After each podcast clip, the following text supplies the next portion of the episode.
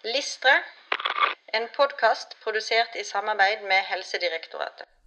ALM 070 ved samtidighetskonflikt selvstendig kunne prioritere mellom forskjellige pasienter med kritisk sykdom eller alvorlig skade, og kunne organisere, kommunisere og delegere videre behandling. Ja, det er ikke rusk det du skal ha kompetanse til å gjøre helt på egen hånd, er det det?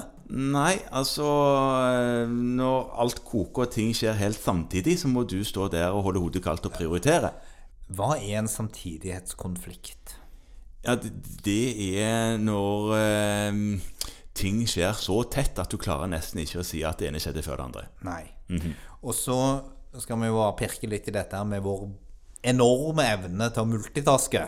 Ja, Som egentlig betyr at du ikke gjør noen av tingene godt. Nei. Én ting av gangen er ofte lurt. Ja. Eh, Og grunnen til at jeg pirka litt i det, var jo akkurat at dette læringsmålet sier noen ting om at når det virkelig koker, så må man gjøre én ting av gangen. Ja. Og før man skal gjøre én ting av gangen, så må man prioritere hva som er viktigst. Er det det som på nynorsk heter triasjering? Ja, det er det. De som jobber bare i gåseøynene med akuttmedisin, Ja. de som jobber veldig mye med akuttmedisin, eller de som jobber i Forsvarets sanitet og lignende situasjoner, Ja, ja, ja. de er veldig gode på triasjering. Ja. Prioritere, rett og slett. Ja, og mm. da er det flere ting som er viktig. Og det da er det ikke bare nødvendigvis hvem som er sykest. Altså, Det gjelder ikke bare det gamle rådet at denne som roper høyest, skal du ikke gå til først.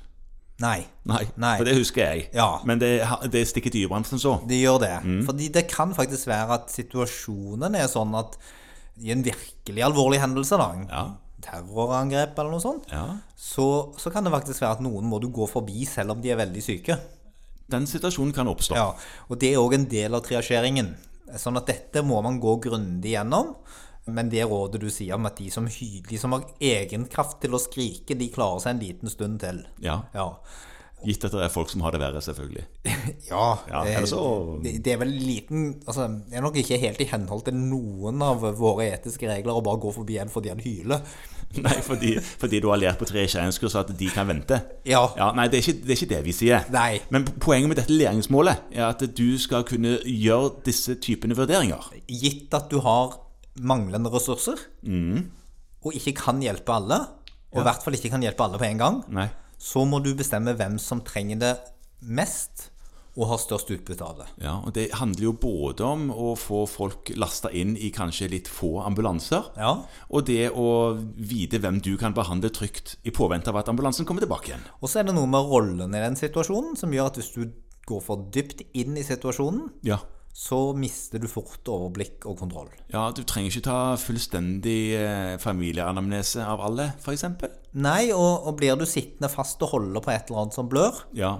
så mister du oversikt over skadestedet ditt. ja, ikke sant? Så, det er lurt. så det er mange ting her å øve på. Man skal øve på legevakt. Det er en god læringsarena. Man kan få sjansen til å møte akutthendelser. Mm -hmm. Ellers er dette òg tema som for de aller, aller fleste vil være ting man må gå gjennom på akuttmedisinkurs. Ja. Og på eh, ferdighetstrening i forbindelse med akuttmedisinkurs, der man går gjennom og øver seg på ulike scenarioer.